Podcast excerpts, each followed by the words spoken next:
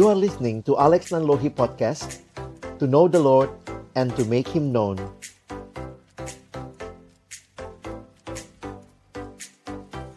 Shalom, selamat sore Bapak Ibu, Saudara yang dikasihi Tuhan Mungkin yang di Indonesia Timur sudah menjelang malam begitu ya dari Sabang sampai Merauke kita bersyukur hari ini uh, melalui webinar LAI ini kita dapat kesempatan. Ini namanya berzoom Pak ya, melalui Zoom dan juga melalui YouTube. Dan thank you buat Karevi yang sudah men-sharingkan uh, prinsip penting bagi kita. Nah, mari kita berdoa sekali lagi. Kita akan membaca nanti dan membuka firman Tuhan. Mari berdoa. Bapak Surgawi, terima kasih buat kesempatan kami belajar bersama. Dan ini adalah anugerah yang Tuhan berikan bagi kami untuk terus mengikuti rencanamu ya Tuhan yang indah dalam hidup kami. Bagi baik orang tua maupun pembimbing remaja juga. Tuhan pakai setiap bagian kami ini untuk boleh membawa generasi ini hidup bagi kemuliaan Tuhan. Kami akan membuka firman-Mu. Firman-Mu adalah firman yang hidup dan menghidupkan. Firman yang kudus dan yang menguduskan. Firman yang tidak berubah tapi firman yang kami percaya sanggup mengubah hidup kami. Itulah yang kami rindukan menjadi bagian setiap kami yang hadir pada saat ini. Di dalam nama Tuhan Yesus Kristus, Sang Firman yang hidup, kami menyerahkan pembahasan selanjutnya. Amin. Bapak Ibu Saudara yang dikasihi Tuhan, saya bersyukur kalau kesempatan seperti ini ada anak, ada orang tua, dan sebenarnya kalau kita mencoba melihat bahwa di dalam segitiga ya saya suka pakai istilah segitiga uh, kesatuan pelayanan remaja ya antara orang tua tentunya lalu kemudian ada gereja dan juga ada sekolah. Nah, saya pikir ini jadi bagian yang harus bekerja sama ya di dalam mewujudkan rencana Allah bagi anak-anak muda di dalam generasi ini. Nah, Bapak Ibu Saudara yang dikasihi Tuhan, pengalaman menjadi remaja itu adalah pengalaman sekali seumur hidup. Karena itu, kita bersyukur bahwa Tuhan menghadirkan ya Bapak Ibu, Saudara, orang tua, pembimbing remaja, para pendeta, dari pihak sekolah juga, Bapak Ibu guru, ini menjadi bagian yang penting sama-sama untuk menolong remaja me, me, apa ya, melangkah maju meyakini cita-cita yang Tuhan berikan. Nah, kita perlu menyadari bahwa memang ada perbedaan generasi ya. Saya pikir itu dulu deh, sadarin begitu ya, bahwa ada perbedaan generasi antara anak yang muda, antara pembimbing, orang tua. Memang ini generasi yang di dalam masyarakat kita, bahkan di dalam gereja ada banyak generasi ya. Kalau kita lihat beberapa pembagian generasi secara umum ada yang bilangnya baby boomers yang lahir sekitar 46 sampai 64 lalu ada Gen X yang lahir 5, 6576 ya. Nanti ini bisa Bapak Ibu bisa searching banyak kok ya tentang pembagian generasi.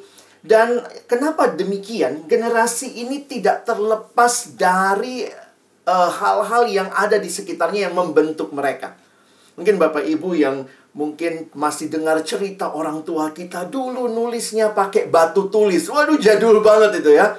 Lalu kemudian masih ngalamin generasi guru masih nulisnya pakai pakai kapur begitu ya. Lalu kemudian nanti mulai masuk ke pakai uh, spidol gitu ya.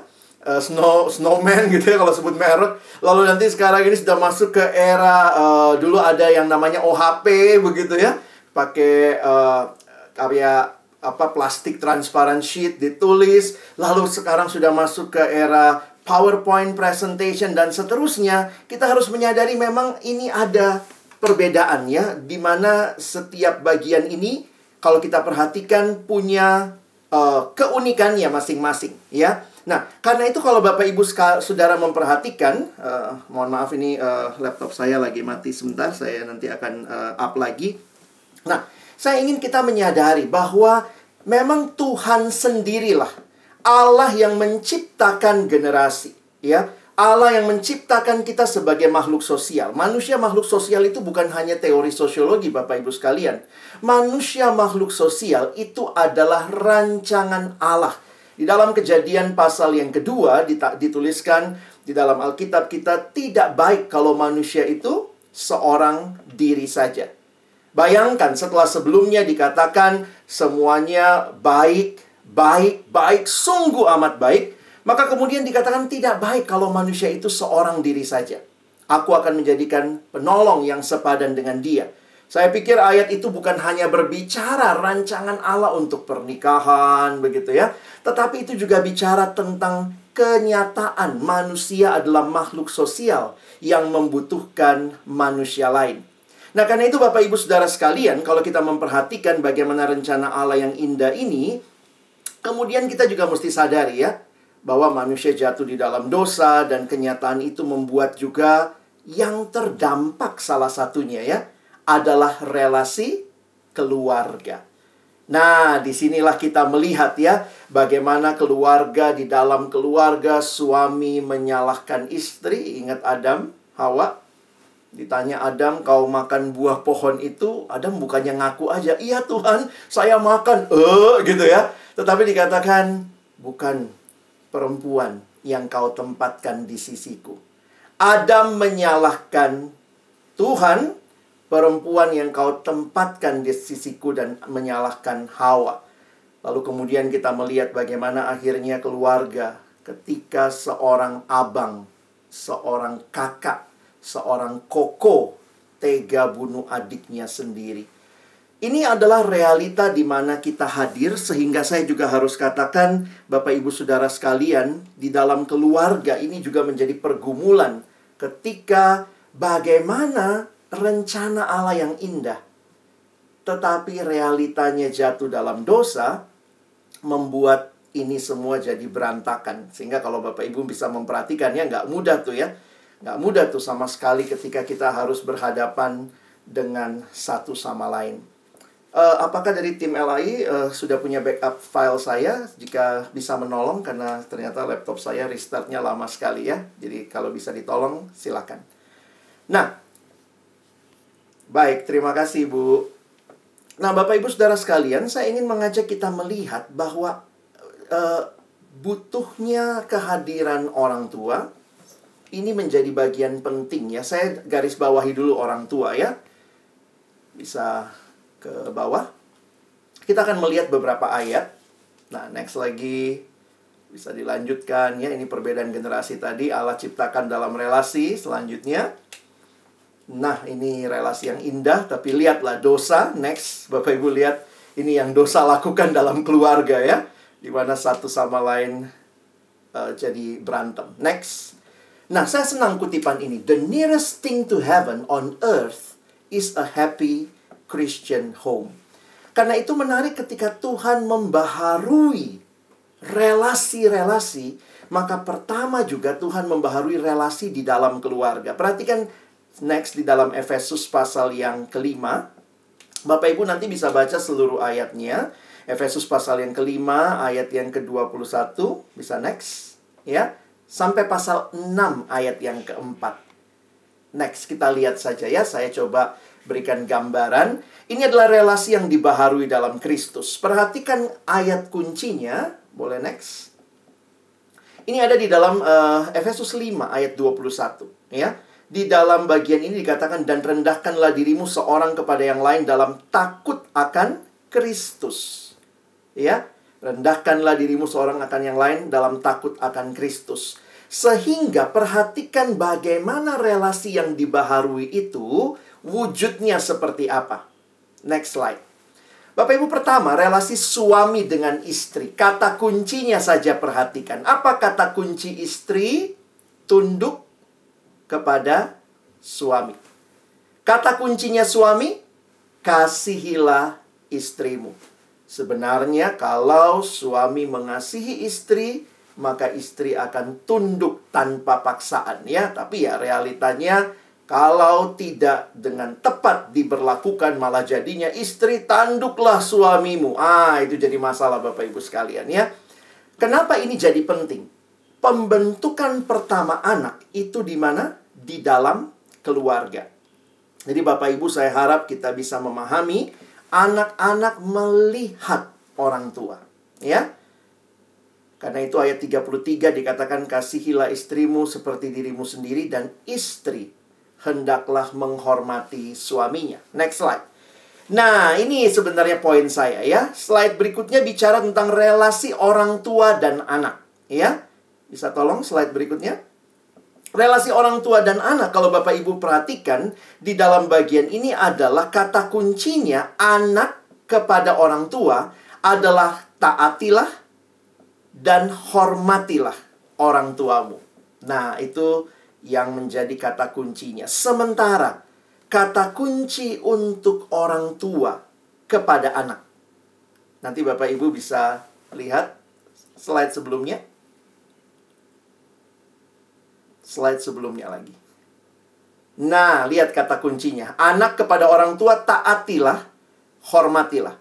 Orang tua kepada anak di ayat 4. Dan kamu bapak-bapak janganlah bangkitkan amarah di dalam hati anak-anakmu tetapi didiklah mereka di dalam ajaran dan nasihat Tuhan.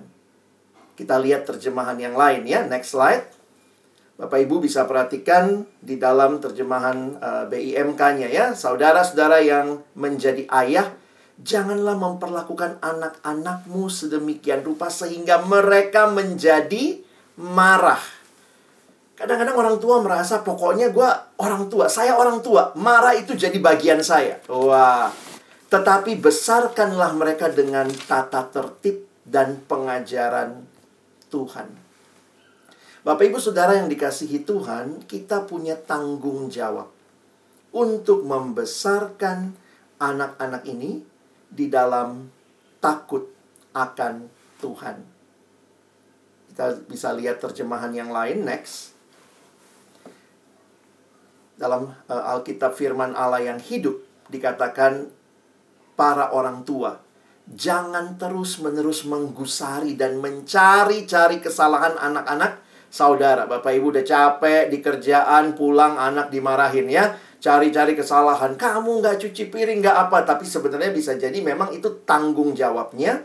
Tetapi kemudian kita yang lagi kesel, marah, jengkel lah kita lampiaskan kepada anak-anak. Tetapi lihat tanggung jawabnya. Didiklah mereka dengan tata tertib yang penuh kasih dan menyukakan hati Allah dan saran-saran dan nasihat-nasihat berdasarkan firman Tuhan. Bapak Ibu yang dikasihi Tuhan, saya ingin mengajak kita melihat ya bahwa ambillah tanggung jawab ini untuk mendidik generasi ini, untuk membimbing mereka mencapai cita-citanya sehingga kita harus waspada untuk tidak menjadi orang tua yang bukannya membimbing tetapi istilah yang dipakai dalam terjemahan ini menggusari dan mencari-cari kesalahan anak. Kadang-kadang uh, apalagi kita di timur ya. Kalau orang tua selalu benar. Kalau orang tua salah, lihat lagi aturan pertama. Orang tua selalu benar. Karena itu anak harus taat kita hanya mengambil ayat bagian pertama tadi. Hai anak-anak, taati orang tuamu, hormati orang tuamu, tapi kita tidak melakukan bagian kita, ya. Jadi kalau saya khotbah sama orang tua, saya harus tekankan bagian ini. Kalau saya khotbah sama anak, saya tekankan bagian yang satu ya. Karena kadang-kadang juga realitanya anak tidak menghormati, anak kemudian tidak taat kepada orang tua. Ya, memang ada hal-hal yang harus kita taati, ada juga sering kali kalau kita tahu orang tua kita tidak benar misalnya ya itu Alkitab bilang jangan ditaati ya.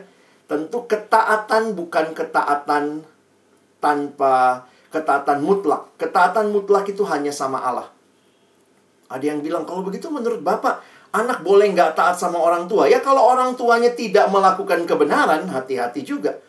Tiba-tiba misalnya orang tua bilang ini ekstrim aja. Ayo nak kita bunuh anak tetangga. Apa perlu ditaati? Tidak kan?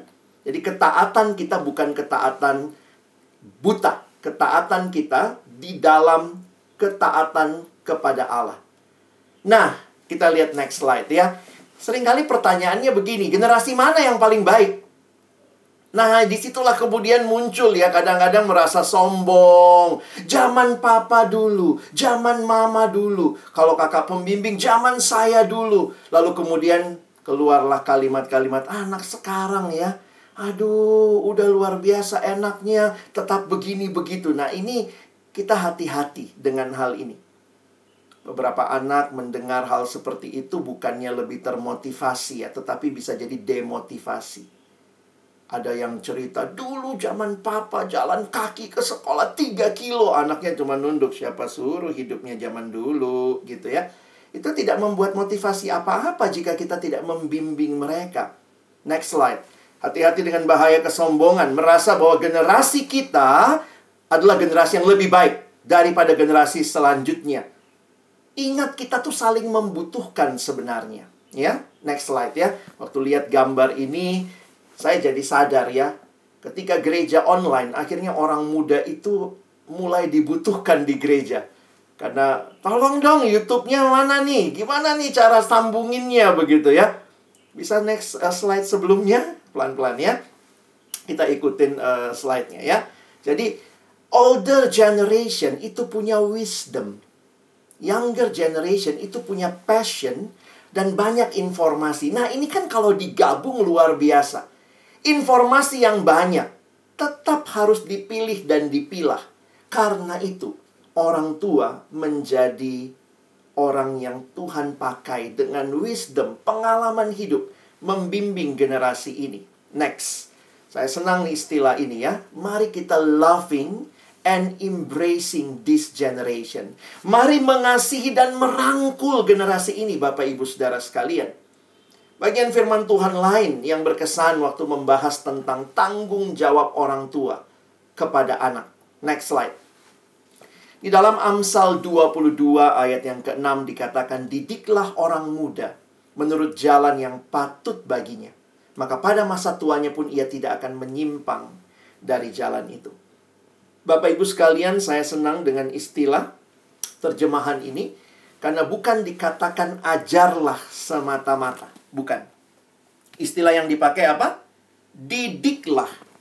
Beda ya, mengajar dengan mendidik. Bahasa Inggris pun menggunakan perbedaan istilah. Next slide. Di sini pentingnya teladan, bisa next keluarkan semua ayatnya. Kalau Bapak Ibu perhatikan ayat ini di dalam terjemahan bahasa Inggris dipakai bukan hanya teach, tetapi train. Nah, di sini pentingnya teladan.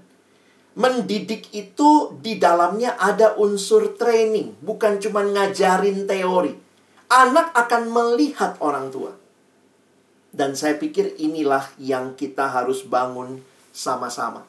Apa yang Bapak Ibu sekarang hadapi jangan-jangan ya. Maaf saya tidak mau menghakimi tapi biasanya begini. Jangan-jangan apa yang terjadi dengan anak-anak kita sekarang itu adalah apa yang selama ini tanpa sadar kita teladankan juga. Nah itu yang jadi menarik ya. Kita tidak bisa menutup mata bahwa ini adalah produk bersama. Ada anak yang kemudian uh, sangat ketakutan dan waktu diperhatikan ya mungkin karena memang juga dia ngelihat orang tuanya tuh kalau menghadapi keputusan-keputusan kehidupan tuh ketakutan bukannya duduk diam berdoa berserah begitu ya. Uh, membaca firman Tuhan menjadi bagian yang penting saya pikir dalam masa-masa mendidik anak ya. Saya ingat ada satu seminar yang waktu itu dilakukan di gereja kami tentang anak dan gadget. Wah, orang tua nanya gitu ya. Wow, nanyanya macam-macam. Pak, kalau anak saya begini, dia bilang, saya justru kasih gadget, Pak, supaya dia nggak ke warnet. Tapi ternyata di gadgetnya juga tadi Bapak bilang bisa dia akses pornografi. Aduh, Pak, saya ketakutan bagaimana ini ya. Jadi satu takut anaknya nanti terjebak segala macam. Aduh pak saya takut anak saya, saya takut anak saya. Dalam hati anak-anak bapak ibu, kok saya yang pusing gitu ya. Nah, tapi sebagai pembimbing remaja mendapat pertanyaan seperti itu. Akhirnya saya bertanya sederhana begini. Bapak ibu selama ini membiasakan anak-anak baca Alkitab setiap hari?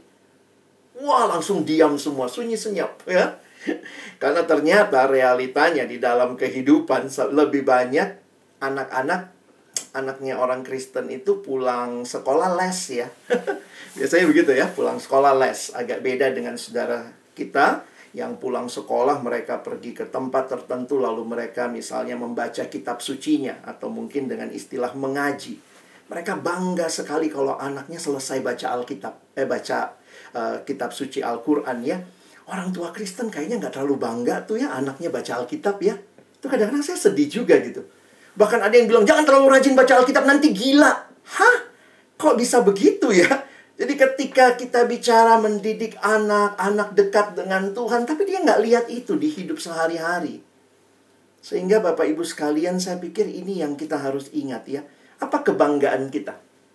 Anak nilainya tinggi, matematikanya tinggi, kimianya nilainya luar biasa, ataukah anak saya. Tadi Kak Revi bilang kalimat yang menarik ya. Bisa jadi sukses yang kita tanamkan adalah banyak uang. Bukan hidup taat. Itu sukses yang sesungguhnya. Hidup taat mengikuti yang Tuhan mau. Sehingga saya pikir ini bagian yang penting ya Bapak Ibu ini webinar LAI. Tetapi pertanyaan juga berapa banyak Bapak Ibu Saudara yang membiasakan anak-anak membaca Alkitab, mendidik mereka, kasih teladan. Kamu perlu firman Tuhan. Papa mama nggak bisa selamanya sama kamu. Tapi kalau firman Tuhan jadi bagian hidupmu, maka itu yang akan menuntun kamu. Terus, firman itu pelita bagi kaki, terang bagi jalan. Apakah Bapak Ibu bangga? Anak saya baru selesai baca kitab Hosea. Wow! Anak saya selesai baca Injil Matius. Saya harap itu jadi kebanggaan banyak orang Kristen ya. Bukan hanya bangga anak saya naik kelas, nilainya bagus begitu. Ya, LAI terus berpikir bagaimana remaja-remaja bisa hidup dalam firman. Karena itu ya, eh, kita bersyukur ada tadi udah dipromo ya. Saya sekalian juga karena saya udah dapat bukunya Bacaan Mingguan Remaja dari LAI. Kalau Bapak Ibu berani untuk menginvest anak-anak belajar dengan Eh, buku-buku pelajaran yang bagus begitu ya. Sebaiknya juga kita serius untuk juga mendidik mereka dalam iman ya. Jangan terlambat. Dan saya pikir banyak sekali sekarang sudah ini ya, termasuk bacaan mingguan remaja. Topik-topik yang mereka perlu dituntun oleh firman. Gimana sih seks? Gimana sih kalau menghadapi kegagalan? Bagaimana sih kalau teman berkhianat? Mereka harus belajar dan dasarnya adalah bukan drama Korea, Wah, bukan uh, drama Cina gitu. Wah, kalau di dikecewakan bunuh temanmu, balas dendam. Kita perlu firman Tuhan yang menuntun perilaku. Dan mari kita serius dengan hal itu. Next slide. Nanti saya tuliskan ini, warisan terbaik bagi generasi muda adalah teladan dari generasi yang lebih tua. Apa yang Bapak Ibu tinggalkan kiranya adalah teladan ya. Nah, bagaimana menolong anak mencapai cita-cita mereka? Nah, tentu tadi Kak Revi sudah bicara dari sisi anak. Teman-teman lihat tiga hal tadi ya, kerinduan, kemampuan, kesempatan. Nah, sebagai pembimbing remaja dan orang tua secara khusus ya, maka ada empat hal yang saya mau titipkan buat kita untuk kita bisa pikirkan dan juga bisa lakukan Nah, tentu anak Bapak Ibu sekalian ada tahapannya. Biasanya itu kita keputusan keputusan-keputusan penting itu dari SMP ke SMA, ya. Atau waktu SMA mau masuk apa nih? IPA, IPS, uh, bahasa misalnya begitu ya. Mau SMA atau SMK misalnya ya, itu ada masalah uh, keputusan penting biasanya. Nah, di masa-masa itu kan biasanya bingung ya Lalu nanti masuk lagi lebih jauh nanti kuliah. Kalau kuliah mau jurusan apa begitu. Tadi Kak Revi udah cerita juga ya. Orang tua bisa jadi tanpa sadar menanamkan materialisme ya. Cari yang banyak uangnya nak gitu ya. Mungkin mungkin istilah lain yang peluang kerjanya bagus. Nah, tapi saya pikir kita perlu mengenali betul anak-anak kita. Itu poinnya sehingga kita tidak mengarahkan kepada apa yang kita mau. Kita tidak mengarahkan sekadar apa yang menghasilkan banyak uang, tetapi mengarahkan mereka menemukan apa yang Tuhan mau, dan di dalamnya mereka terus bertumbuh. Mereka terus berkembang, skillnya berkembang, bertambah. Nah, di situlah saya pikir ini harus dimulai dengan pengenalan yang dalam. Nah, bagaimana Bapak Ibu bisa berperan? Bagaimana kakak-kakak di gereja, pendeta juga ya berperan membimbing remaja. Pertama, next. Ini yang pertama adalah pengamatan ya. Pentingnya pengamatan. Ya, saya pikir sih Bapak Ibu yang paling kenal anaknya ya. Pengamatan bahwa setiap anak unik tidak sama. Karena itu hati-hati membandingkan anak. Kamu nggak kayak abangmu ya Kamu nggak kayak kakakmu, kamu nggak kayak anaknya si tante ini. Wah, hati-hati Bapak Ibu. Next slide ya. Di dalam pendidikan sekarang pun sudah ada yang namanya customized, tailor made. Kalau dulu itu orang dikasih all size. Semua anak pola belajarnya sama. Tetapi waktu sekarang kita lihat itu tailor made. Jadi kayak dibikinin baju masing-masing ya. Karena coba lihat next slide. Kalau dulu all size, maka kalau dianya gendut, bajunya mungkin kekecilan. Tapi kalau dianya kurus, bajunya mungkin kegedean. Tetapi kalau dia sekarang itu customize, maka diukur masing-masing. Adiknya beda dengan abangnya, beda dengan kakaknya. Adiknya mungkin tipe visual. Dia kalau belajar lebih suka ngeliat. Yang satu lebih suka menghafal. Dia lebih tipe auditori. Kadang-kadang orang tua tidak melihat perbedaan ini. Semua anak pokoknya harus sama. Apalagi kalau kakaknya bagus banget prestasinya, wah adiknya tertekan semua pengamatan yang baik menolong Bapak Ibu bisa melihat potensi yang tadi Kak Revi bilang, apa sih kemampuan anak saya? Apa sih kerinduannya? Nah, di sini kan kita butuh komunikasi ya. Gimana Bapak Ibu tahu anaknya pengen jadi apa? Yang ngobrol gitu ya. Terus bagaimana dia melewati itu? Nah, ini penting nih. Kita sebagai orang tua, pembimbing, kakak-kakak pembimbing, kalau kita benar-benar peduli, kita ngamatin, kita bisa tahu nih kerinduannya apa, kemampuannya apa. Memang beberapa sekolah mengadakan tes minat bakat. Tapi saya harus katakan tes minat bakat itu sangat uh, terbatas juga. Jadi tidak bisa hanya tes minat bakat. Karena anak ini minggu ini tes, sama minggu depan tes bisa beda loh hasilnya ya. Kalau dia minggu ini lagi malas-malasan, dia isi aja semua. Jadi sebenarnya apa yang bisa menolong anak saya mau ke mana ke depannya Bapak Ibu yang mengamati hari-harinya dia bertumbuhnya dia kayak kayak apa. Ya, next. Selanjutnya, tentu pengenalan yang melibatkan dialog, jangan monolog. Pokoknya papa nggak mau tahu ya. Pokoknya, kalau udah pakai pokoknya udah nggak ada dialog, nggak ada tanya jawab ya. Mari jadi orang tua, jangan kehilangan momentum ini. Anak remaja katanya susah diajak tanya jawab. Masalahnya di mana? Anak saya kalau ditanya, Pak, jawabnya singkat-singkat ya Bapak Ibu mesti ingat juga ya. Coba lihat next slide, next slide. Saya suka mikir gini ya, ini seorang pendeta milenial, dia bilang kalimat berikut, bisa next. Dalam bukunya The Passion Generation dia bilang begini, everyone is talking about millennials. We are right here kata millennials, but no one is listening to them. Bapak Ibu, masalah kita bukan hanya kita tidak sempat ngomong sama anak muda, tapi kita nggak sempat ngedengerin mereka. Jadi kalau Bapak Ibu lihat anak punya cita-cita, punya keinginannya kadang-kadang sekarang agak ajaib ya. Mau apa? YouTuber gitu ya. Mau apa? Jadi Kak Revi misalnya gitu ya. Wah seneng tuh follower TikToknya banyak, follower ininya banyak. Kita dengerin dulu. Jangan langsung bilang apa itu YouTuber, apa itu TikTokers. Kita denger dulu. Kita ngobrol. Dan memang di sinilah pentingnya kita belajar kenal Kenapa mimpi dia seperti itu? Apa sih yang dia lihat? Jangan pokoknya kalau kamu masuk situ papa nggak mau biayain ya, mama nggak mau tahu. Kalau sudah begitu ya sudah tidak ada komunikasi. Next. Tuhan kasih kita dua telinga, satu mulut. Itu berarti Tuhan sudah kasih satu titipan. Belajar mendengar dua kali lebih banyak sebelum kamu bicara. Itu bukan hanya buat anak-anak, tetapi juga buat orang tua, ya. Oke. Okay. Next, yang ketiga. Yang ketiga, next lagi, sudah yang ketiga sekarang ya. Exposure. Apa yang dimaksud dengan exposure? Itu yang tadi teman-teman atau Bapak Ibu bisa lihat. Pertemukanlah anak-anak kita dengan mungkin hal-hal yang yang akan menolong mereka punya wawasan. Kayak apa sih kerjaan seperti itu? Kayak apa sih studi yang seperti itu? Jadi sederhananya di sinilah pentingnya kita bangun networking. Anak kita misalnya pingin jadi dokter, maka mungkin juga bersama sekolah, biasanya sekolah ada ini tuh ya. Kakak-kakak alumni yang sudah kuliah di kedokteran datang sharing sama adik-adiknya. Itu namanya exposure ya. Next. Jadi mereka bisa sharing live. Nah, sehingga kita tidak langsung ya, biasanya anak itu masih berubah-ubah ya Jangan juga maksa. Pokoknya papa nggak mau tahu minggu depan udah jelas ya mau jadi apa. Kalau enggak nggak jelas. Minggu depan mungkin dia mau jadi dokter. Minggu depan lagi ah jadi TNI aja. Ah minggu depan kayaknya jadi YouTuber aja.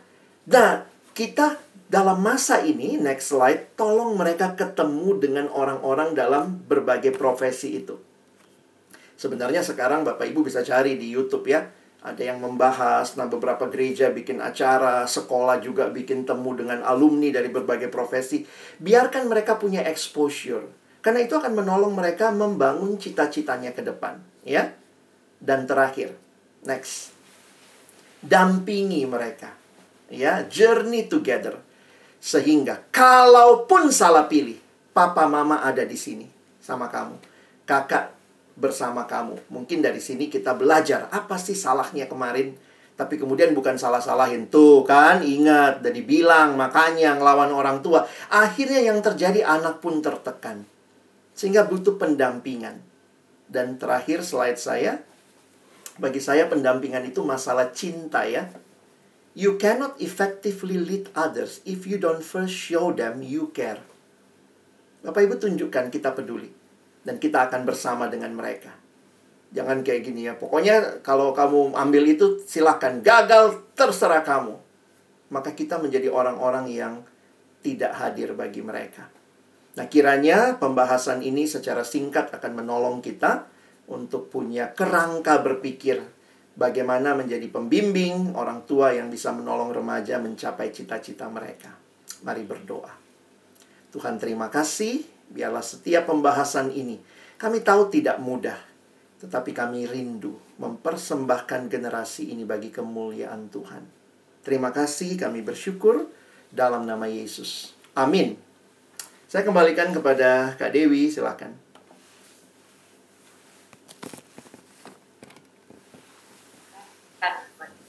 Para orang tua di sini memahami peran orang tua dan peran remaja mendampingi adik-adik remaja kan selama proses pencapaian dan melihat cita-cita mereka turut dengan firman Tuhan. Sekali Bapak Pendeta, terima kasih. Nah, bagi Bapak Ibu yang mengikuti daripada sesi pertama dan sesi kedua, kami akan membuka sesi tanya jawab untuk 30 menit berikut ini. Orang untuk menanyakan uh, pertanyaan pada Kak Revi atau Pak Pendeta Alex. Nah, sudah ada tiga nama kalau Rensian boleh ditutup dari tim digital dan kami pilih pertama dari Pak Girs Christian Girsan menyampaikan pertanyaan. Ini persilakan Pak Christian. Salam, selamat sore. Pertanyaan saya untuk Kak Alex. Salam dari kota Kinabalu, Sabah. Mungkin Kak Alex lebih kenal istri saya, Elisa Rongalo. Oh, oke. Okay. Iya. Salam ya buat iya, Bu Eli. Iya, terima kasih. Pertanyaan saya itu begini, uh, Alex. Jadi kita sebagai orang tua kan selalu berusaha mendidik anak-anak dengan sebaik mungkin, melibatkan mereka dalam pelayanan uh, di gereja, main piano dan lain sebagainya, uh, di dalam uh, kebaktian keluarga juga, begitu ya. Nah, pertanyaan saya adalah bagaimana menyiapkan anak ini supaya siap menghadapi dunia yang kita tahu ya tidak semulus yang seperti mereka pikirkan, begitu ya. Dunia yang penuh dengan orang jahat, dunia yang sudah bengkok, dunia yang penuh dengan dosa begitu. Karena jangan sampai mereka berpikir dunia ini seperti bapak dengan ibunya aja yang begitu baik begitu. Nah, kira-kira mungkin ada tips dari Kak Alex. Silakan Kak Alex. Terima kasih. Ya, um, ini satu pertanyaan. Boleh satu pertanyaan lagi tadi kepada Pak Pendeta Alex. Kami uh, satu lagi ya Pak Pendeta ya, supaya nanti bisa nyambung kepada Bapak Rocky Jenrato. Ya, Pak Rocky Berato boleh menyampaikan pertanyaannya kepada siapa Pak? Salam uh, buat Pak Alex. Uh, yang saya mau tanyakan, bagaimana cara untuk kita menumbuhkan minat belajar anak, baik dalam hal kita uh, mengajarkan kepada dia atau mendidik dia dalam bidang pengetahuan dan juga di dalam bidang kerohanian. Uh, dan kita lihat bagaimana pengaruh-pengaruh dari luar juga mungkin juga bisa mempengaruhi uh, apa yang menjadi keinginan keinginan kita kerinduan kerinduan kita uh, supaya anak ini selain mendapatkan pengetahuan juga memiliki iman bagaimana caranya pak nah, melihat uh, kalau kita katakan anak itu bandel. Apa sih yang menyebabkan anak itu menjadi bandel? Apa sih yang yang uh, yang baik untuk kita lakukan supaya anak ini kalau kita lihat anak ini uh, apa namanya disuruh dia tidak ada minat untuk mau belajar atau tidak ada keinginan untuk melakukan hanya saja mengulur-ngulur waktu dan waktu. Terima kasih Pak Alex. Oke, terima terima kasih Pak Rocky Jendrato. Kedua pertanyaan kepada Pak Pendeta Alex boleh disampaikan Pak. Nanti setelah ini uh, dua penanya akan kami berikan kepada Kak Revi ya. Boleh nanti di chatnya kira-kira sampai di Kak Revi. Oke Pak Alex boleh dijawab di dua pertanyaan tadi ya Pak. Baik, terima kasih Pak Christian, Pak Rocky. Saya pikir ini pergumulan-pergumulan kita ya sebagai orang tua untuk menolong anak-anak kita. Kalau dari pengalaman ketika bicara bagaimana nih ya kalau orang tuanya pelayanan, anak juga ikut pelayanan sehingga kayaknya nggak kenal dunia luar begitu ya. Saya pikir tetap yang pertama dan terutama kita harus membangun uh, dasar yang teguh pondasinya harus tetap ada. Dan saya pikir di situlah anak dibiasakan berinteraksi dengan firman. Jadi bukan hanya kata pendeta, bukan hanya kata orang tua, tetapi apa kata firman. Sehingga itu bisa menolong kita dengan anak-anak juga selalu kita bawa kembali kepada firman. Tetapi pada saat yang sama di depannya kita pun harus uh, mengizinkan anak-anak juga punya lingkungan pergaulan yang lebih luas daripada sekadar gereja. Saya bukan berkata lalu kemudian uh, ini ya kita jadi jadi membiarkan anak kita ke mana saja tidak, tetapi dengan pengawasan yang baik, saya pikir juga itu perlu untuk kita bangun kehidupan yang eh, anak-anak uh, juga punya interaksi dengan orang yang berbeda iman, punya interaksi dengan orang-orang yang mungkin juga punya perbedaan pandangan. Nah, itu kan biasanya kalau imannya berbeda, biasanya pandangan terhadap hal-hal tertentu pun berbeda, sehingga mereka dibiasakan menghadapi perbedaan dan kembali. Kalau pondasinya ada, maka dia akan kembali bicara, iya ya, apa kata Alkitab kita? Apa kata firman Tuhan dalam hal tersebut? Jadi, eh, biarkan juga anak-anak punya kesempatan itu ya saya pikir Bapak Ibu uh, kalau sekolah itu kan juga interaksi dengan orang berbeda iman begitu ya. Jadi tidak tidak mesti juga kita kayak memperkenalkan hal-hal yang jahat ke anak kita supaya dia tahu dunia jahat ini. Saya pikir kalau pondasinya kuat, ke depan kapan pun ada badai yang menerpa karena nanti kan mereka nggak akan selamanya bersama orang tua. Tetapi mereka sudah punya bekal dan dasar yang teguh bukan cuma kata orang tua tapi kata firman Tuhan. Nah, jadi kalau saya melihat itu eh, pondasi uh, yang baik. Memang dalam te dalam teori parenting ya ini bisa beda-beda, tetapi ada satu yang menarik yang saya pernah dengar, ada orang tua punya prinsip begini, kalau berantem jangan depan anak. Jadi akhirnya anaknya cuma melihat papa mamanya tuh nggak pernah berantem. Nah, jadi ketika anak itu masuk dalam kehidupan real di mana ada perbedaan pendapat, ada perselisihan, mereka tidak punya skill hidup tentang bagaimana menyelesaikan konflik. Nah, saya pikir Bapak Ibu yang mungkin tanda kutip ya, ya berantem ya, yang satu sisi ya berantem, ngotot-ngototan, lempar-lemparan, pukul-pukulan itu juga terjadi. Anak lihat itu jadi negatif juga. Tetapi ketika kita hidup dalam Tuhan, ketika ada perbedaan pendapat, kita diskusikan, kita cari titik temunya, justru anak bisa belajar bahwa tidak masalah berbeda, tetapi kita perlu sampai kepada hal yang sama-sama kita terbuka dan sudut pandang untuk melihatnya. Nah, tapi kira-kira saya pikir itu sih, Pak ya. Tetap bangunlah anak dalam Tuhan, lalu biasakan juga mereka uh, lebih luas punya pergaulan. Kalau mereka suka nonton, kadang-kadang begini, kita pikir anak kita baik-baik aja ya, tapi lihat apa yang mereka tonton uh, lihat apa yang mereka dengar, apa yang mereka dengarkan, misalnya lagu atau apa, dan ajak mereka sedikit diskusi. Apa sih yang lagu itu ajarin? Karena ya kita nggak bisa tutup mata anak kita terhadap semua yang ada dalam dunia. Itu pasti akan datang kepada mereka, karena itu bagian kita menyiapkan mereka. Saya pikir itu yang untuk Pak Christian sih. Kalau untuk paroki, ya ini memang pergumulan yang kadang tidak mudah.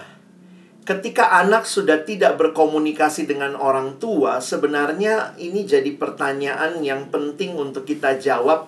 Missnya di mana? Di masa kapan dia mulai tidak lagi bicara sama orang tua? Jangan-jangan orang tua yang sibuk bekerja, jadi pulangnya juga tidak bicara sama anak. Bisa begitu juga. Karena orang tua merasa yang penting kan kamu mau sekolah apa, bapak akan biayai. Kamu mau sekolah apa aja, bapak akan biayai. Mama akan berjuang, tetapi pulang kerja kita juga nggak punya waktu ngomong sama mereka. Tahu-tahu mereka udah remaja, udah malas belajar. Nah, saya kadang suka pikir kapan ya putusnya sambung rasa itu. Nah, kalau sudah seperti itu, maka ya saya pikir kita bisa menggunakan berbagai cara ya. Saya tetap meyakini orang tua adalah yang paling dekat yang harusnya paling mengerti anak. Tapi juga banyak orang tua tidak bisa melakukan bagian ini dengan baik. Karena itu saya bersyukur Tuhan hadirkan guru, Tuhan hadirkan gereja. Maka mungkin ada bagian-bagian ini yang bisa nyambung sama anak kita sama orang yang uh, anak-anak ini yang paling tidak kita bisa tahu kenapa sih dia malas belajar. Kadang dengan hanya tahu kenapa dia malas belajar membuka pintu percakapan, nah saya pikir dari situ pun akan muncul sebenarnya what next yang harus kita lakukan. Jadi jangan kemudian hanya memaksa, pokoknya dia harus rajin belajar, saya nggak mau tahu. Tapi kita sebenarnya tidak belajar mendengarkan. Kenapa dia malas belajar? Jangan-jangan itu wujud pemberontakan dia terhadap situasi di sekitarnya. Mungkin dari saya itu dulu, tapi thank you untuk pertanyaannya membukakan pikiran kita juga tentang anak generasi ini. Oke, terima kasih Pak Alex buat uh, jawaban dari pertanyaan untuk Bapak Girsang dan juga Pak Jendrato. Nah, Bapak Ibu, tadi sudah dua ya yang raise yang kami terima. Nah, saat ini ada dua lah pertanyaan di kolom chat yang akan kami berikan buat Kak Revi. Ini satu dari panjangnya Pak Iston Umbu, Pak Pendeta. Pak Pendeta Iston Umbu menanyakan kepada Kak Revi, di sini di, dikatakan, uh, menurut Mas Revi, apakah tujuan hidup bisa dikatakan sebagai mimpi yang harus kita raih? Bagaimana cara kita membedakan antara tujuan hidup Tuhan bagi kita dengan bisa dijelaskan tadi dari dipaparkan oleh Kak Revi ya. Satu lagi juga pertanyaan yang juga kami bisa sampaikan kepada Kak Revi, nah, bagaimana cara anak suka baca Alkitab. Saya seminggu ada ibadah uh, kecil keluarga, tapi anak saya malas nyanyi dan baca Alkitab saat ibadah kecil ini. Mungkin bisa kasih kisah hidup uh, atau juga tim Kak Revi di gereja di komselnya ya Kak Revi ya. Jadi dua pertanyaan ini kami sampaikan kepada Kak Revi untuk Bapak Pendeta uh, Iston Umbu dan yang kedua tadi pertanyaan dari Kak Heni kami persilakan kepada Kak Revi Hali Oke, okay. thank you buat pertanyaannya. Saya mulai dari pertanyaan pertama ya dari Pendeta Iston Umbu. Jadi inti pertanyaannya adalah bagaimana caranya kita bisa membedakan antara tujuan hidup Tuhan bagi kita dengan mimpi kita sendiri ya, keinginan kita sendiri. Jadi yang perlu kita lakukan adalah coba cek aja motivasi hati di balik keinginan itu ya. Kalau misalnya ada embel-embel keegoisannya, embel-embel cinta akan uangnya, embel-embel untuk pride pribadinya, nah itu saya cukup yakin bukan dari Tuhan ya. Karena yang namanya tujuan dari Tuhan itu ciri-ciri yang pertama pasti adalah untuk menjadi berkat buat sama. Pasti sifatnya murah hati sifatnya pasti adalah berfokus pada Tuhan dan bukan pada popularitas atau kemegahan pribadi. Jadi itu hal pertama yang harus kita lihat. Karena sering orang tuh punya cita-cita, yes cita-cita, tapi cita-citanya ya kurang sesuai sama apa yang Tuhan inginkan. Nah kita jadi ya balik lagi ke firman Tuhan. Ya kita lihat apakah yang menjadi keinginan kita ini beneran bisa menyenangkan hati Tuhan, memuliakan nama Tuhan, dan jadi berkat buat sesama nggak sih? Nah, itu dasar yang paling pertama ya yang harus kita lihat. Yang kedua adalah ya tentu setelah kita mendapatkan keinginan itu ya kita doain sehari-hari. Aku percaya ketika kita doain, Tuhan pasti bakal kasih arahannya kok sedikit demi sedikit. Ya contohnya dalam hidup aku banyak hal-hal yang pengen aku lakukan dan aku doa pada Tuhan, tapi aku tuh merasa kayak ya Roh Kudus yang membuat hatiku nggak sejahtera gitu loh berjalan ke arah situ gitu jadi aku percaya di dalam kehidupan setiap dari kita sama ketika kita punya tujuan yang kurang tepat pasti Tuhan bakal mengajar kita akan memberitahu kita lewat suara Roh Kudus dan juga firman-Nya bahwa apa yang kita inginkan ini masih belum tepat nih. Ada hal lain yang sebenarnya yang lebih akurat yang Tuhan pengen. Jadi mungkin seperti itu jawaban yang bisa aku kasih. Nah sekarang kita lanjut ke pertanyaan yang kedua ya dari Bu Heni. Bagaimana cara mengajak anak supaya suka baca Alkitab? Saya dalam seminggu ada ibadah kecil keluarga, tapi anak saya males nyanyi dan baca Alkitab saat ibadah kecil kami jadi kuncinya menurut saya tentu yang pertama ya kita doakan ya, kita percaya akan kuasa doa, Roh Kudus yang bisa mengubah hati seseorang. Yang kedua adalah ya kita mengingatkan aja, mengingatkan sebisa kita, dan yang ketiga adalah memberikan contoh yang baik. Jadi kalau misalnya kita jarang baca Alkitab, tentu mereka juga pasti malas. Tapi kalau misalnya kita sering, tentu mereka ngeliat dan mereka juga lebih terdorong untuk ikutan. Nah, yang keempat adalah kita harus sabar. Karena kan kita sering kali pengennya orang lain atau anak kita atau mungkin saudara kita ya rajin baca Alkitabnya hari ini juga kita pengennya seperti itu tapi ya sering kali kan kejadiannya nggak bisa seperti itu kadang ya butuh waktunya dari Tuhan ya, contohnya saya punya teman ya pas kuliah nggak bertobat bertobat tuh. Padahal saya sebagai teman udah suka nasehatin tapi ya nggak datang datang ke Tuhan. Tapi setelah dia kerja eh tiba-tiba dia malah bertobat jadi Kristen banget sekarang pelayanan banget. Jadi ya itu waktu dari Tuhan. Contoh lain lagi baru hari ini banget saya ketemu teman lama saya. Terakhir ketemu tahun 2017 terakhir ketemu dia masih hidupnya kelab malam gitu-gitu. Eh hari ini ketemu ngobrol-ngobrol udah anak pelayanan banget sekarang. Ngomonginnya tentang Tuhan Yesus terus jadi ternyata ya ada waktu dari Tuhannya gitu jadi ya kita nggak bisa maksa harus berubahnya hari ini kita cuma bisa lakukan bagian kita yaitu ya kita doakan kita kasih tahu apa yang benar dan kita berikan contoh setelah itu ya kita sabar. Kita setia aja melakukan bagian kita, nanti Roh Kudus akan melakukan bagiannya tepat pada waktunya. Seperti itu yang bisa aku uh, berikan ya jawabannya. Semoga membantu. Ya, terima kasih Kak Reti Halim. Kiranya jawaban tadi bisa menjawab dari pertanyaan dari uh, Pak Ibu yang bertanya. Nah, Bapak Ibu masih ada waktu kita, tetapi uh, ada link lima daftar hadir yang kami bagikan dari 278 yang hadir pada saat ini baru 150 yang mengisinya. Mohon Bapak Ibu untuk mengisi sesuai dengan nama yang disertifikat nanti. Bahkan juga kami butuhkan ini untuk link door, door prize, pemutaran door prize kita di akhir. Nah Bapak Ibu, untuk dua yang resen ini mereka berikan kesempatan ya, dua ya, tinggal dua buat Bapak Suska Dianton B. Begia dan Bapak Sonmen Mulmen. Nah, kami persilakan pertama Bapak. Suska Dianto BPG untuk bertanya kepada siapa.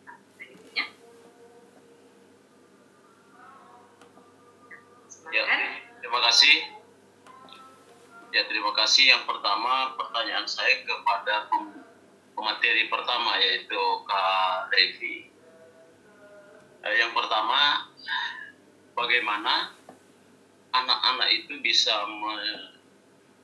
menggapai masa depannya anak itu besar sekali keinginannya ingin menjadi orang yang sukses lah seperti itu. Tetapi di satu sisi faktor ekonomi yang membatasi anak itu.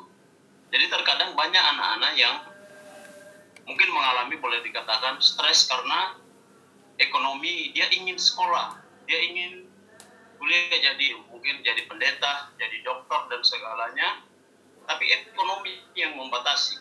Jadi eh, kami, contohnya saya sebagai pelayan Tuhan di bagian sosial di Panti Asuhan, kami sudah memberikan uh, pembekalan secara mungkin pemahaman rohani dan sebagainya, tetapi kan anak-anak itu tidak selamanya harus di panti asuhan. Seperti itu kan ada tahap-tahap yang harus kita ini karena sesuai dengan anjuran pemerintah usia 18 tahun ke atas itu eh, bukan usia anak panti lagi Eh, kita sudah siapkan mereka punya itu. Ketika mereka pulang ke kampung istilahnya, ketika mereka sudah tamat SMA atau SMK dari kita, ketika di kampung mereka ingin kuliah tapi orang tua terbatas ekonomi. Jadi terkadang di situ yang membuat anak itu kayak gimana gitu dia punya pemikiran seperti itu. Jadi maksudnya gini, apa eh, solusinya? Apa bagaimana cara kami cara kita sebagai orang tua, orang tua asuh gitu ya untuk mempersiapkan anak ini ketika nanti dia berjumpa dengan keluarganya di sana eh, dia tetap konsisten dia tetap kuat dengan hal itu terima kasih itu untuk eh, Kak Revi kemudian yang kedua untuk pendeta Alex Shalom Pak selamat sore Shalom. pendeta Iya, kebetulan saya ada di Pulau Nias ini. Saya kami ada di Pulau Nias ini, Iya. tapi saya jauh dari seberang pulau. Saya dari Sulawesi juga, tapi kebetulan Tuhan percayakan ada di Nias Hmm. pelayanan. Iya, ya untuk Pak Pendeta Pak Alex, em, terkadang kita dalam mendidik anak-anak, kita sudah mempersiapkan mereka ini. Ya, saya kebetulan saya ada di bagian pelayanan di panti asuhan ketika anak itu kita sudah persiapkan dari tempat kita melayani, ketika mereka pulang kampung, terkadang budaya itu besar sekali pengaruhnya kepada anak. Budaya itu. Jadi mungkin dari dari dia sebelum ke sana kita sudah persiapkan dia bagaimana caranya apa namanya hidup sebagai anak Tuhan yang baik. Tetapi ketika kembali ke lingkungannya ke ke daerahnya budaya itu besar sekali dampaknya untuk mempengaruhi anak sehingga eh, perubahan sikap hidupnya itu mungkin cepat terpengaruh. Nah, bagaimana caranya bagi kami sebagai pelayan yang dipercayakan oleh Tuhan di panti asuhan untuk memberikan satu pemahaman kepada anak itu di mana pun kamu berada, kamu tetap pegang bahwa kamu adalah anak Tuhan bukan bukan anak yang di luar Tuhan. Terima kasih Pak, ini faktor Pak. Terima kasih Pak, Tuhan berkati.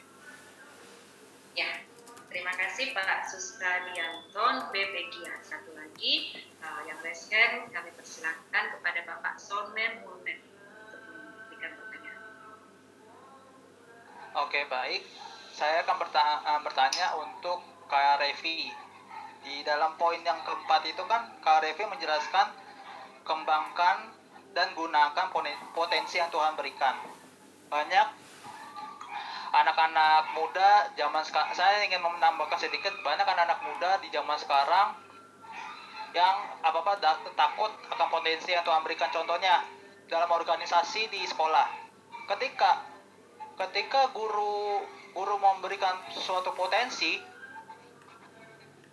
suatu potensi yang yang diberikan kepada mahasiswa itu mereka uh, sedikit ragu sedikit yang tidak percaya diri bagaimana uh, cara orang tua memberikan solusi terhadap an- uh, anak yang anak yang melakukan uh, anak yang apa namanya yang grogi untuk apa mempercayai diri sendiri. Yang kedua untuk Pak Alex, pendeta Alex, gimana caranya untuk uh, apa namanya membaca um, banyak orang tua yang suruh anaknya membaca Alkitab, tapi ketika membaca Alkitab orang tua memaksa tiga pasal dalam perjanjian lama kan itu ke- uh, begitu banyak cara orang tua menyikapi hal tersebut gimana ya Pak? Terima kasih.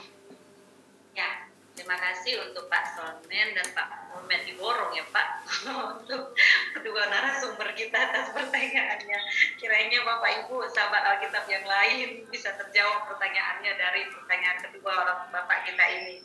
Nah, pertama kami persilakan kepada Kak Revi untuk menjawab pertanyaan dari Bapak Suska Dianton dan kemudian menjawab pertanyaan dari Bapak Sonen. Kemudian akan dilanjutkan oleh Bapak Pendeta Alex untuk menjawab pertanyaan dari kita. Oke, terima kasih untuk Pak Suska Dianton buat pertanyaannya. Jadi gimana kalau misalnya ada anak yang mungkin terhalang oleh karena keadaan ekonomi ya. Jadi hal pertama itu yang perlu kita perhatikan adalah kita harus mengubah mindsetnya, cara berpikirnya. Karena cara berpikir kita akan sangat menentukan bagaimana kita menjadi kehidupan. Memang yang namanya keadaan ekonomi bisa menjadi tantangan, tapi bukan berarti nggak ada jalan karena banyak juga yang mungkin saat ini secara ekonomi kurang oke. Tapi karena dia mampu beradaptasi dia mampu berpikir cari solusi lain akhirnya meskipun dia dari keluarga yang kurang berada dia bisa membangun sesuatu yang luar biasa dan akhirnya menjadi seorang yang berhasil. Saya kasih contoh ada teman saya teman tik namanya friend Freddy Bawotong ya kalau nggak salah namanya Freddy Bawotong itu menarik banget dia itu rumahnya terbuat dari kayu. Dan dia mulai aktif bikin TikTok waktu itu. Dia cerita tentang keseharian hidupnya. Di rumah kayu itu dia masak segala macam dan akhirnya ternyata konten-konten yang dia bikin ditonton banyak orang akhirnya bahkan Atta Halilintar dan Boy William mau collab sama dia gitu ya. Mau ketemu support dia. Sekarang dia punya modal dia bisa bangun usaha di kampung dia sendiri gitu ya jadi sekarang sudah jauh lebih baik secara ekonomi buat dia dan keluarganya. Nah ini salah satu contoh di mana mungkin secara ekonomi ya dia nggak punya banyak tapi dia memaksimalkan apa yang dia punya sehingga dia sekarang bisa menjadi seorang yang lebih berhasil. Nah sama di dalam kehidupan setiap orang sebenarnya. Hanya ada dua tipe orang menurut saya bukan orang gagal dan orang sukses. Melainkan orang yang nggak mau belajar dan orang yang mau belajar. Ketika kita meskipun ada tantangan ekonomi tapi mau belajar, mau kerja keras, adaptasi, mencari jalan, pasti sedikit demi sedikit bisa bertumbuh, bisa mencapai keberhasilan. Jadi hal pertama yang perlu kita lakukan adalah ubah mindsetnya. Jangan sampai kita hanya berpikir bahwa jalan menuju kesuksesan cuman sekolah dan kuliah. Tentu itu baik ya, itu penting. Tapi meskipun mungkin saat ini belum ada uangnya untuk sekolah dan kuliah, kita bisa lakukan hal-hal lain untuk kita bisa berjalan menuju keberhasilan itu. Ada berbagai macam jalan, jadi kita harus bisa mengerti konsep itu. Seperti itu ya, semoga jawaban dari saya membantu. Saya lanjut ke pertanyaan kedua ya, mungkin ya. Tadi dari pertanyaan kedua, nah, pertanyaannya adalah, maaf saya agak lupa ya pertanyaannya apa ya, boleh diulang sebentar Pak? Pak uh, Solmen Pak ya mungkin Pak Solmen atau ada yang ingat pertanyaannya apa? Saya lupa. Pak Solmen dulu men sudah ada di tempat. Kalau enggak langsung sudah di tempat. Pak Solmennya tidak ada. Mungkin oh saya mulai ingat. Bagaimana kalau misalnya ada guru kasih tugas tapi anak itu grogi ya merasa nggak mampu? Itu tadi pertanyaannya. Oke jadi kalau misalnya seperti itu yang bisa kita lakukan yang pertama adalah ya untuk mengajarkan kepada anak itu bahwa yang namanya tugas atau sebuah tantangan itu mengandung kesempatan di baliknya. Jadi kita ubah cara mindsetnya. Kita kasih tahu kepada anak itu bahwa kalau misalnya kita berhasil mengerjakan ini, kita bakal belajar. Nggak apa-apa kalau misalnya kurang sempurna hasilnya. Yang penting kita belajar. Nah, kita harus tanamin pesan atau pemikiran seperti itu. Sama kayak saya. Saya juga pas dulu sekolah, saya itu selalu takut ketika ada tugas baru yang saya nggak ngerti. Takut pasti ya semua manusia juga seperti itu pasti pasti takut kalau kita belum pernah kerjain tapi saya coba ubah mindset saya saya punya pemikiran oke okay, ketika ada sesuatu yang baru saya bisa belajar sesuatu yang baru supaya saya naik level di dalam hidup. Karena kan gak ada pertumbuhan di zona kenyamanan dan gak ada kenyamanan di zona pertumbuhan.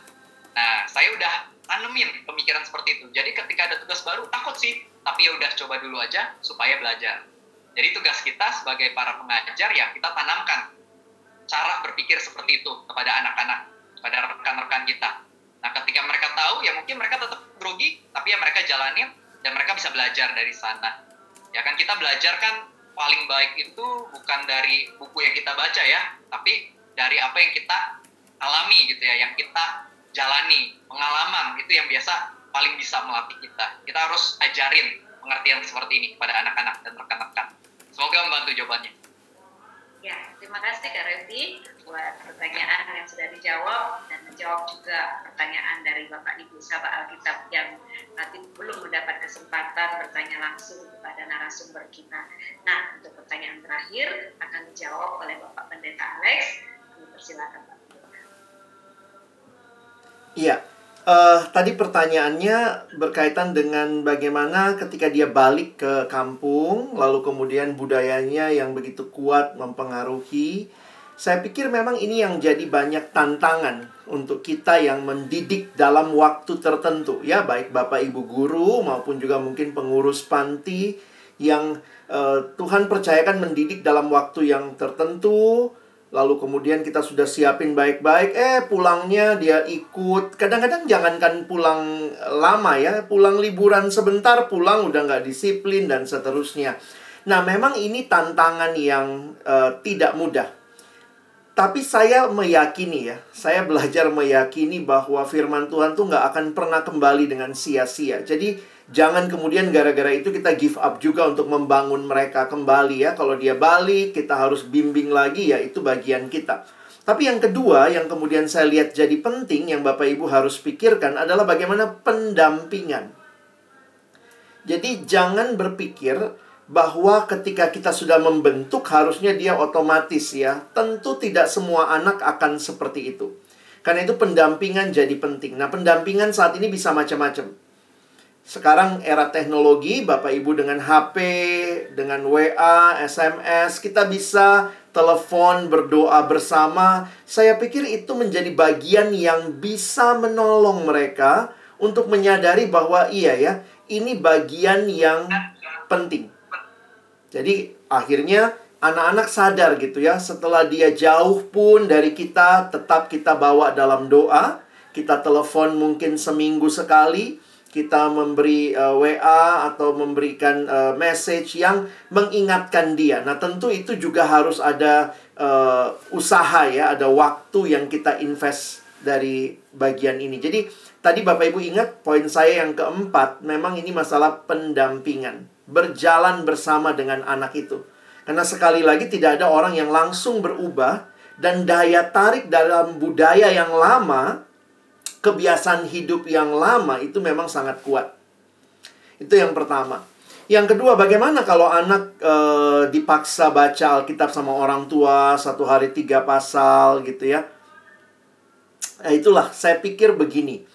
Sekarang kita harus ber, bergumul dengan berbagai daya tarik yang lain, ya.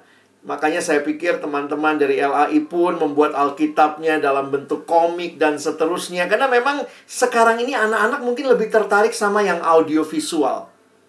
Saya pun juga bersyukur ada audio Bible dari dari uh, Alkitab suara LAI juga gitu ya. Itu juga jadi Bapak Ibu begini. Kadang-kadang kalau kita suruh baca, anak-anak mungkin akan ah ngapain sih baca ya? Kita bisa lakukan baca bersama. Atau kalau tidak ya kita bisa melakukan dengan yang ini ya. Kita coba Alkitab suara, kita dengar bersama. Jadi sebenarnya itu jadi cara-cara yang kreatif menikmati firman Tuhan. Jadi saya pikir jangan kehabisan akal ya hanya karena orang nggak mau, anak-anak nggak mau ya sudah selesai. Tapi mari kita berlutut di hadapan Tuhan memohon juga agar Tuhan memberikan kita pembimbing orang tua cara-cara kreatif untuk memperkenalkan firman Tuhan kepada anak-anak kita. Nah, termasuk tadi ya, coba ajak mereka mungkin bisa punya ini ya, bacaan uh, mingguan Alkitab yang diterbitkan LAI. Saya pikir Bapak Ibu banyak resource yang bisa kita pakai. Jadi mungkin itu dari saya, jangan menyerah untuk berjuang bagi generasi ini. Thank you.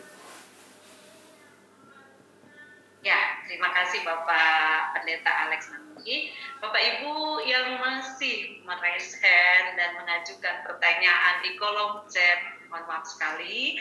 Waktu kita sudah habis. Nah Bapak Ibu yang tadi belum sempat di kolom chat mengatakan tidak mungkin gangguan jaringan dan juga uh, ada acara tidak bisa mengikuti sepenuhnya dari awal webinar kita ini Bapak Ibu dapat melihat tayangan webinar kita ini di YouTube Lembaga Alkitab Indonesia. Mohon subscribe-nya Bapak Ibu ya. Nanti lihat dari awal sampai dengan sesi penutup ini Bapak Ibu bisa lihat dan pertanyaan-pertanyaan Bapak Ibu tadi yang belum terjawab juga bisa dilihat balik di tayangan YouTube kami. Dan kami sampaikan juga kepada Bapak Ibu yang ya, ingin melihat uh, produk terbitan daripada Lembaga Alkitab Indonesia ada di online shop kami bagi Bapak Ibu yang uh, berada di luar dari Pulau Jawa ada di Sofi kami Bible House dan ada juga di uh, Bible House LAI Medan, Bible House LAI Makassar, Bible House LAI Manado dan Bapak Ibu juga. Nanti bisa lihat pilih mana uh, Alkitab atau terbitan dari Lembaga Alkitab Indonesia mana ongkos kirimnya yang lebih dekat dari Bapak Ibu. Silakan melihat uh, toko online Bagi saya melayani generasi ini adalah sebuah kesempatan yang indah yang Tuhan berikan.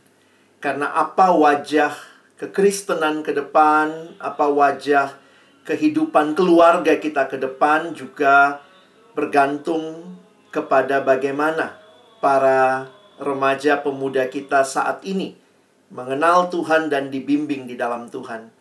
Karena itu saya bersyukur sekali lagi tentu dengan Kak Revi juga bahwa ada sekian ratus orang yang sungguh-sungguh mau berjuang bersama ya. Membangun generasi ini mencapai mimpinya di dalam takut akan Tuhan. Kiranya webinar ini menjadi berkat, LAI juga yang menyelenggarakan terus menjadi berkat membawa firman Tuhan sampai ke setiap tempat yang belum dengar kabar sukacita itu. Dan kiranya Tuhan menolong kita. Mari Bapak Ibu Saudara sekalian, kita akan menutup di dalam doa untuk webinar kita malam hari ini. Bapak Surgawi, terima kasih banyak anugerahmu yang nyata bagi kami bahwa Tuhan mencintai generasi ini. Tuhan memberikan kami webinar sore hari ini untuk membangun setiap kami.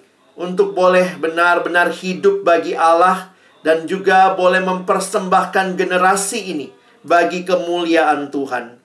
Terima kasih untuk setiap kami yang boleh hadir, setiap narasumber, Kak Revi, uh, hambamu juga dan juga uh, Ibu Dewi yang boleh menjadi moderator. Kami bersyukur Tuhan boleh memakai juga setiap rekan-rekan LAI yang menyiapkan yang ada di belakang layar. Dan kami sungguh rindu ya Tuhan dari Sabang sampai Merauke, dari uh, Sangir sampai Pulau Rote. Kami boleh mempersembahkan juga generasi muda Indonesia ini yang punya mimpi dan juga cita-cita di dalam Tuhan bagi kemuliaan-Mu. Terima kasih Tuhan, kami menutup webinar kami malam hari ini di dalam satu nama yang kudus. Nama Tuhan Yesus Kristus. Kami sudah bersyukur dan berdoa. Amin. Amin. Terima kasih Bapak Pendeta Alex Naloki. Nah, sebelum